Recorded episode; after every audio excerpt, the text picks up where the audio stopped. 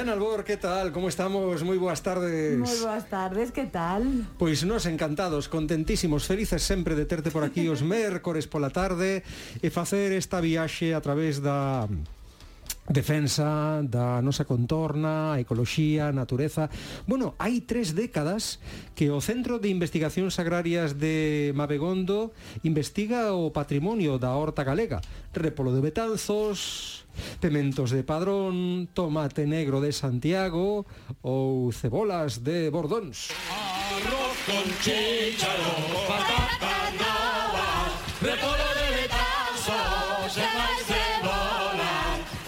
se bola, e vai se bolas, arroz con xíxaro, pataca nova.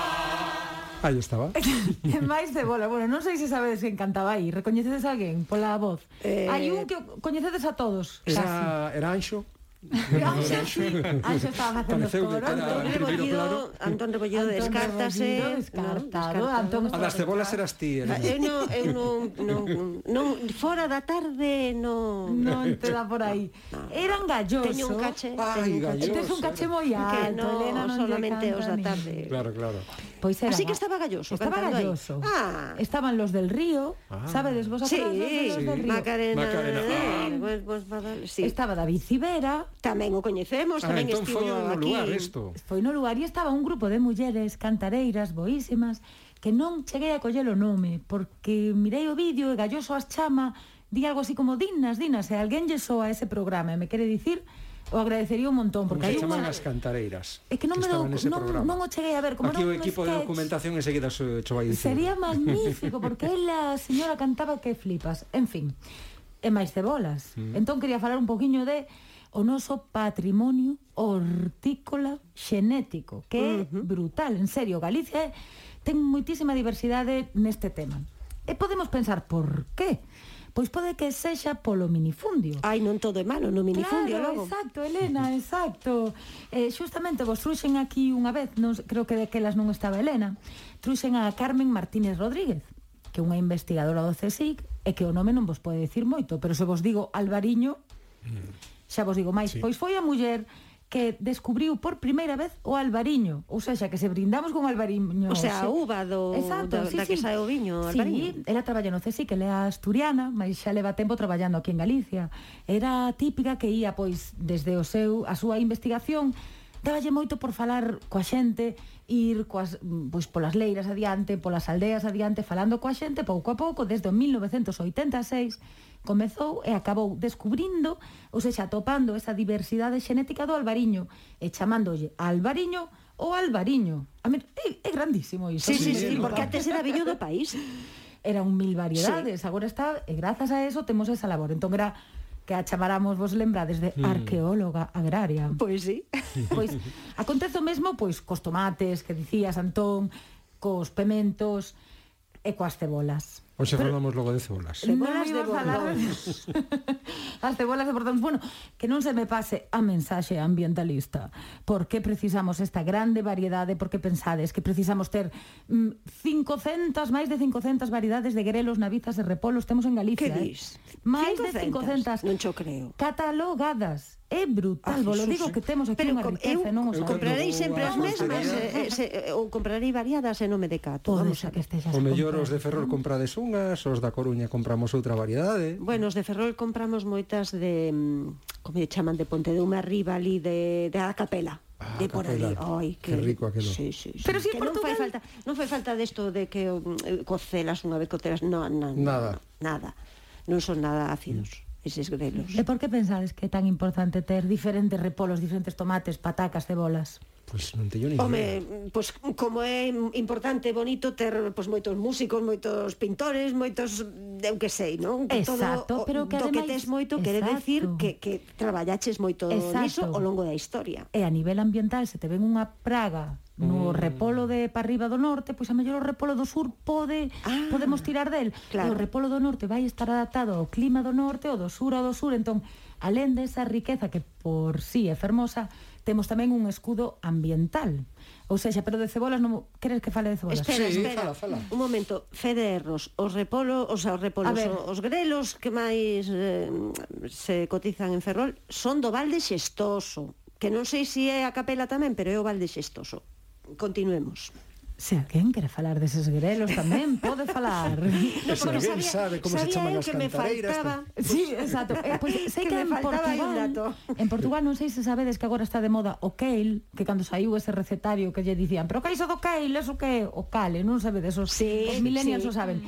Pois en Portugal lle chaman a ese kale, a ese repolo, repolo galego, a noso grelo. Sí, algo así. é o do caldo verde. Exacto, teño exacto, entendido. pois pues, chamanlle de galego. En, en cando se lanzou que parecía novedad, novedad, o repo, a cale, venga, un, unha berza moi boa que se chama cale, pero resulta que xa... Estamos nas berzas. Estábamos, exactamente, estamos nas berzas porque era nosa. Pois, eh, non che vou falar de cebolas no. per se, senón da do sentido metafórico da cebola, disto que din que hai que ir sacando as capas da cebola e cada capiña é unha nova parte de nós. Iso é Shrek, eh? Iso é Shrek, Shrek. no así. Sí, dicía que era unha cebola que tiña capas e capas e capas. En serio? Sí. Ai, my believer. Pois mira, es rec, te amo, se me estás cuidando. Pois isto, o que quería traer é unha historia bonita, porque asemella que últimamente Faltanos historias como a de Shrek, que se enamora a princesa do ogro, era un trolo ou un ogro, que era? un, un ogro, non? Un ogro, non? Sí, verde. Pois hoxe quería traer unha historia dunha bióloga que se ela di que é como unha cebola, porque mm. tivo tantas vidas nesta vida que se ve como unha cebola ela mesma. E aí está o meu link. Sí. pois creo que xa está o teléfono Yara Chiapus, que como se chama. Eh, que tal Yara? Moi boas tardes. Boas tardes. Doutora en bioloxía, verdade? E ilustradora científica entre infinitas cousas máis. sí. Ti estudiaches... Que tal, Yara? Estudiaches bioloxía e seguiches co doutorado...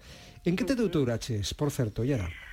Pues eh, yo estudié biología general, pero como yo nací en una isla, yo soy de una isla del Mediterráneo, de Ibiza, pues siempre tuve una relación muy grande con el mar. Entonces, a medida que fui avanzando como en mi carrera profesional y mi especialización, me, me fui al mundo de las algas.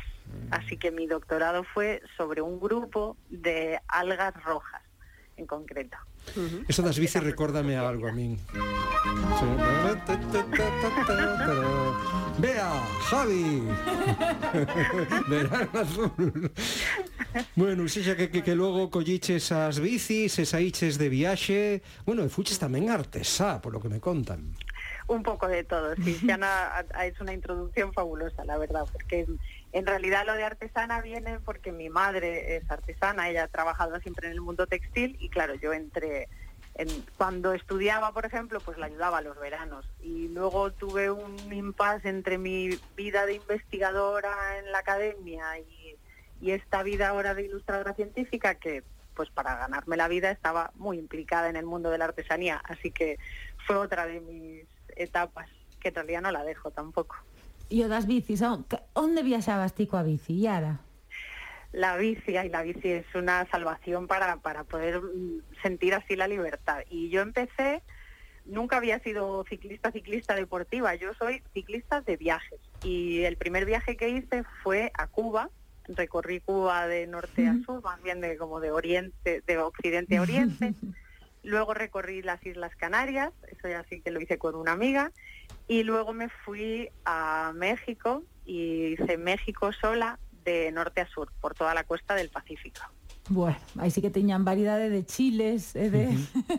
Sí, eso es, exacto. Y algo muy bonito asociado a esa variedad que estabais comentando de los grelos y las, las verdes, las cebollas, también es la variedad de recetas. Entonces, como recuperando esa variedad, esa diversidad de- biológica, también recuperas una diversidad cultural, que es que es precioso ese tema. Estaba muy emocionada. Pois cuando sí, e ara, e ata pode recuperar unha cousa económica que creo que foi este cociñeiro de Euskadi que recuperou este igual che soa guisante lágrima ou chícharo bagua. Mm, Atopouno sí. por aí, soa vos esa historia. É sí, brutal, sí. no vendendo, pero unha burrada que, de uns de preciazos euros. elevadísimos porque é moi escaso, pero é unha delicia, teño entendido. Mm, hai que falar claro. coa xente maior máis. Eso es, claro. sí, sí, patrimonio histórico, pois gastronómico, pues sí. cultural, biológico, lo tiene todo esto. Bueno, dedicaste tamén á ilustración científica. Que cousas che gusta debuxar, Iara? Pues sobre todo mm, el mundo marino. Eh, un poco por esa cosa de, la biología que venía del mundo de las algas, de la ficología, pues mm, sigo muy unida, entonces ya es como el mundo de las algas y, todo lo que es la fauna marina, es lo que más mm, me, me atrae, ¿no? Eh, con la botánica también me siento me gusta mucho, porque en realidad la parte que me gusta de la ilustración científica es que sigo investigando en realidad. desde otro, otro punto de vista. Y, en, en, realidad me muevo en eso, como en el mundo marino, es lo mío, uh -huh. diría yo. O sea que sigues un pouco a estela de creadores, pintores como Arquimboldo, que facía mm, eh, caras, pero partindo de eso, de, de especies vexetais, tamén de animais, de Botticelli, que non me acordo ahora cantas eh, plantas diferentes ten nas súas obras, non? Están contabilizadas e son acheadelas. delas Eh, claro. eh, de Durero, que, que pintou Durero. especies animais como, por exemplo, ese un coello que ten, que iso é un Muy espectáculo, famoso. non? E, mm. e a ti quen che gusta? A quen sigues ou, ou a quen che gustaría emular? Bueno, esos son como, como los inicios ¿no? de la ilustración científica, así los que mencionabas. Pero hay gente desde, desde entonces hasta ahora, parece como que era algo antiguo la ilustración científica, pero en cada siglo hay, hay representantes maravillosos. Y de este momento así contemporáneos, pues, por ejemplo, alguien que para mí es muy especial, Pedro Salgado, que es portugués y, y tiene unos dibujos increíbles del mundo marino especialmente. Y luego hay mujeres, por ejemplo, de la escuela inglesa en el mundo botánico, que también son como muy representativas. eh, Billy Sowell, eh, podría decir así varias. En Galicia tenéis a mm, Sara y, y Silvia, que están en 13 grados, y sí, eh, Sara es ilustradora científica y es sí, una estiveron con lo que hace. Recordo que estiveron nun Exacto. programa aquí, sí, sí. Claro, pues ella, por ejemplo, para mí pues también es, es una referencia, ¿no? Porque compartimos no solo la pasión, sino que además intercambiamos investigaciones, así que pues hay hay de, de todos los de todos los tiempos y de todos los continentes. ara, e, e a ilustración científica, por forza ten que ser hiperrealista? No, la verdad es que no. Es, esa sería como la definición de ilustración científica mm, la, la más estricta y clásica. Pero en realidad eh, la idea de ilustración científica es que es una herramienta para comunicar ciencia. Entonces, eh, con esa idea puedes utilizar muchísimas técnicas, muchísimas formas. Se puede hacer cómics, se puede hacer ilustración científica infantil, se pueden utilizar murales, por ejemplo, a nivel así en paredes, en tamaño muy grande. Entonces creo que es infinito, ¿no? Las posibilidades. Si te quedas con esa definición más mm, cerrada y clásica, pues eh, sí que se busca siempre algo mm, con mucho, muchísimo rigor, eh, que transmita exactamente con objetividad las características del animal, de la planta o de lo que estás buscando transmitir. Pero para mí es un mundo muy amplio, más que quedarse con algo, una definición estricta. As universidades, os centros de coñecemento están precisando divulgar as eh, súas investigacións para o público xeral. Precisan facer chegar o que descobren o resto da xente. Neste caso, a ilustración científica pode resultar moi útil. Cheganse encargos de universidades, por exemplo, Yara. Pues sí, la verdad es que eh, yo creo que es un momento de auge de la ilustración científica, más que más que ir hacia abajo, que a veces se piensa que ¿por qué seguimos usando esto? Si hay fotografías. Muchas veces nos lo preguntan, ¿no? A, a las personas de- que trabajamos en este ámbito. Pero, por ejemplo, yo he hecho cosas mm, para, para la Asociación de Paleontología Argentina, que era un, un libro sobre divulgación de la paleontología más allá de los dinosaurios, o una colección de flora ibérica para un congreso de, de ecología. Eh, hay como muchas líneas, ¿no? Entonces sí que, y conozco mis, mis compañeros y compañeras, eh, están constantemente haciendo cosas cada vez más en esa línea que tú mencionas de, de la divulgación. Así que yo creo que es algo que, que, se usa mucho y cada vez más. Y ahora creo que, a ver, ¿cómo era? ¿Tiñas familia en Uruguay que eran galegos emigrados? Sí, era así. correcto. Pero, sí. sí, ¿no? Pero teu mar é o Mediterráneo. Sei que, que os camaróns do Mediterráneo dis que son elegantes. Uh -huh, sí. sí, son, son preciosos. Son preciosos e elegantes. e os nosos daqui do Atlántico son, son diferentes dos vosos ou que? Son, eh, son diferentes, pero simplemente porque esa especie que se le llama camarón elegante... Ah, tengo nome así está en el Mediterráneo y en el Atlántico, pero más hacia el sur. Se ve que les gusta más el calor.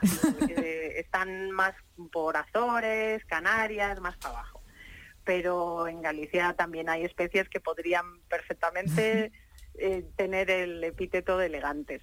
Hay unas anémonas, mira, en gallego me parece que es anémonas shoya, que, ojo, joya, que son una fiesta de colores y son preciosas, por ejemplo, pero eh, unos cangrejos que igual no son tan llamativos a nivel de color, se llaman caranguejos araña y son se, se, camuflan y luego se esconden entre las anémonas, por ejemplo. Y estos cangrejos es que también son una fiesta de todo lo que se pegan y se ponen encima. Así que no hace falta tener el camarón elegante, tenéis una fauna increíble también. Qué bien, qué bien. Temos que ir despedindo a nosa convidada. Veña, última pregunta para ti, Xana. Pois nada, quizás que me contaras eh, como estás contando como a ilustración científica é un campo aberto, é un pode haber traballo, un sitio para emprender. Tes que ter coñecementos científicos, no teu caso de bioloxía mariña ou de bioloxía en xeral, tes que ter algún tipo de coñecemento científico para poder ser un, unha ilustradora científica? Bueno, es algo que siempre va a ayudar, pero eso como todo, ¿no? Cuanto más conocimiento tengas desde de diferentes campos, favorecen al desarrollo de tu trabajo. Pero no es una cosa, no es un, una cualidad necesaria sí o sí, sino que es algo que también lo vas aprendiendo, ¿no? Que dependiendo del proyecto que, te, que tengas que desarrollar, estudias esa parte. En mi caso, por ejemplo, que yo vengo del mundo de la investigación, que he estado muchos años en la academia, que podría decir tengo una especialidad como, wow, esta chica lo saca adelante con los ojos cerrados. Pues no, incluso así, la ilustración científica lo que más tiene es investigación, documentación. Entonces, aunque me tocasen, eh, me tocase ilustrar las mismas algas de mi tesis de doctorado ahora mismo, yo tendría que ponerme a investigar. Así que al final, pues eh, todo va a tener unas horas, más horas de, de investigación que de dibujo. Así que mm, es algo para animar a, a, a la gente de que, que esto no es un, una cualidad que sí o sí necesites tener antes de lanzarte al mundo de la ilustración científica. E ahora, Chea, pois foi un regalo terte aquí con nós, eh? na tarde, aprendimos moitísimo, eh, tampouco queremos que ti marches de mans valeiras, como dicho aquí, Xiana, que a túa familia procede do Uruguai, a ver se che gusta o noso agasallo. Mira.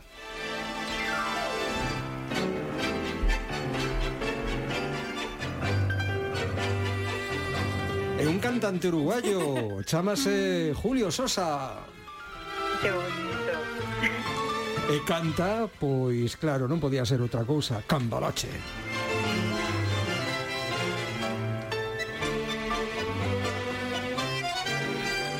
El mundo fue y será una porquería, ya lo sé. En el 510 y en el 2000 también, que siempre ha habido chorros, maquiavelos y estafados. Esta canción para este momento. Qué oportuna, sí, sí. Qué bonito. Es un despliegue de maldad insolente ya, no hay quien lo niegue. Pues así rematamos e ara Chapus, moitísimas grazas eh, por estar esta tarde con nós e atacando queiras. Un placer, moitas grazas. Grazas. Doutora en nada. bioloxía, ilustradora científica e un montón de cousas máis. Ignorante, sabio, chorro, pretencioso, estafador, todo es igual. Xena Albor, moitísimas grazas. Grazas a vos, chao, chao. Ata a semana que ven. Profesor, no no hay plaza que va a haber, ni escalafón. Los inmorales nos han igualado si uno vive en la impostura y otro afana en su ambición. Da lo mismo que sea cura, colchonero, rey de barco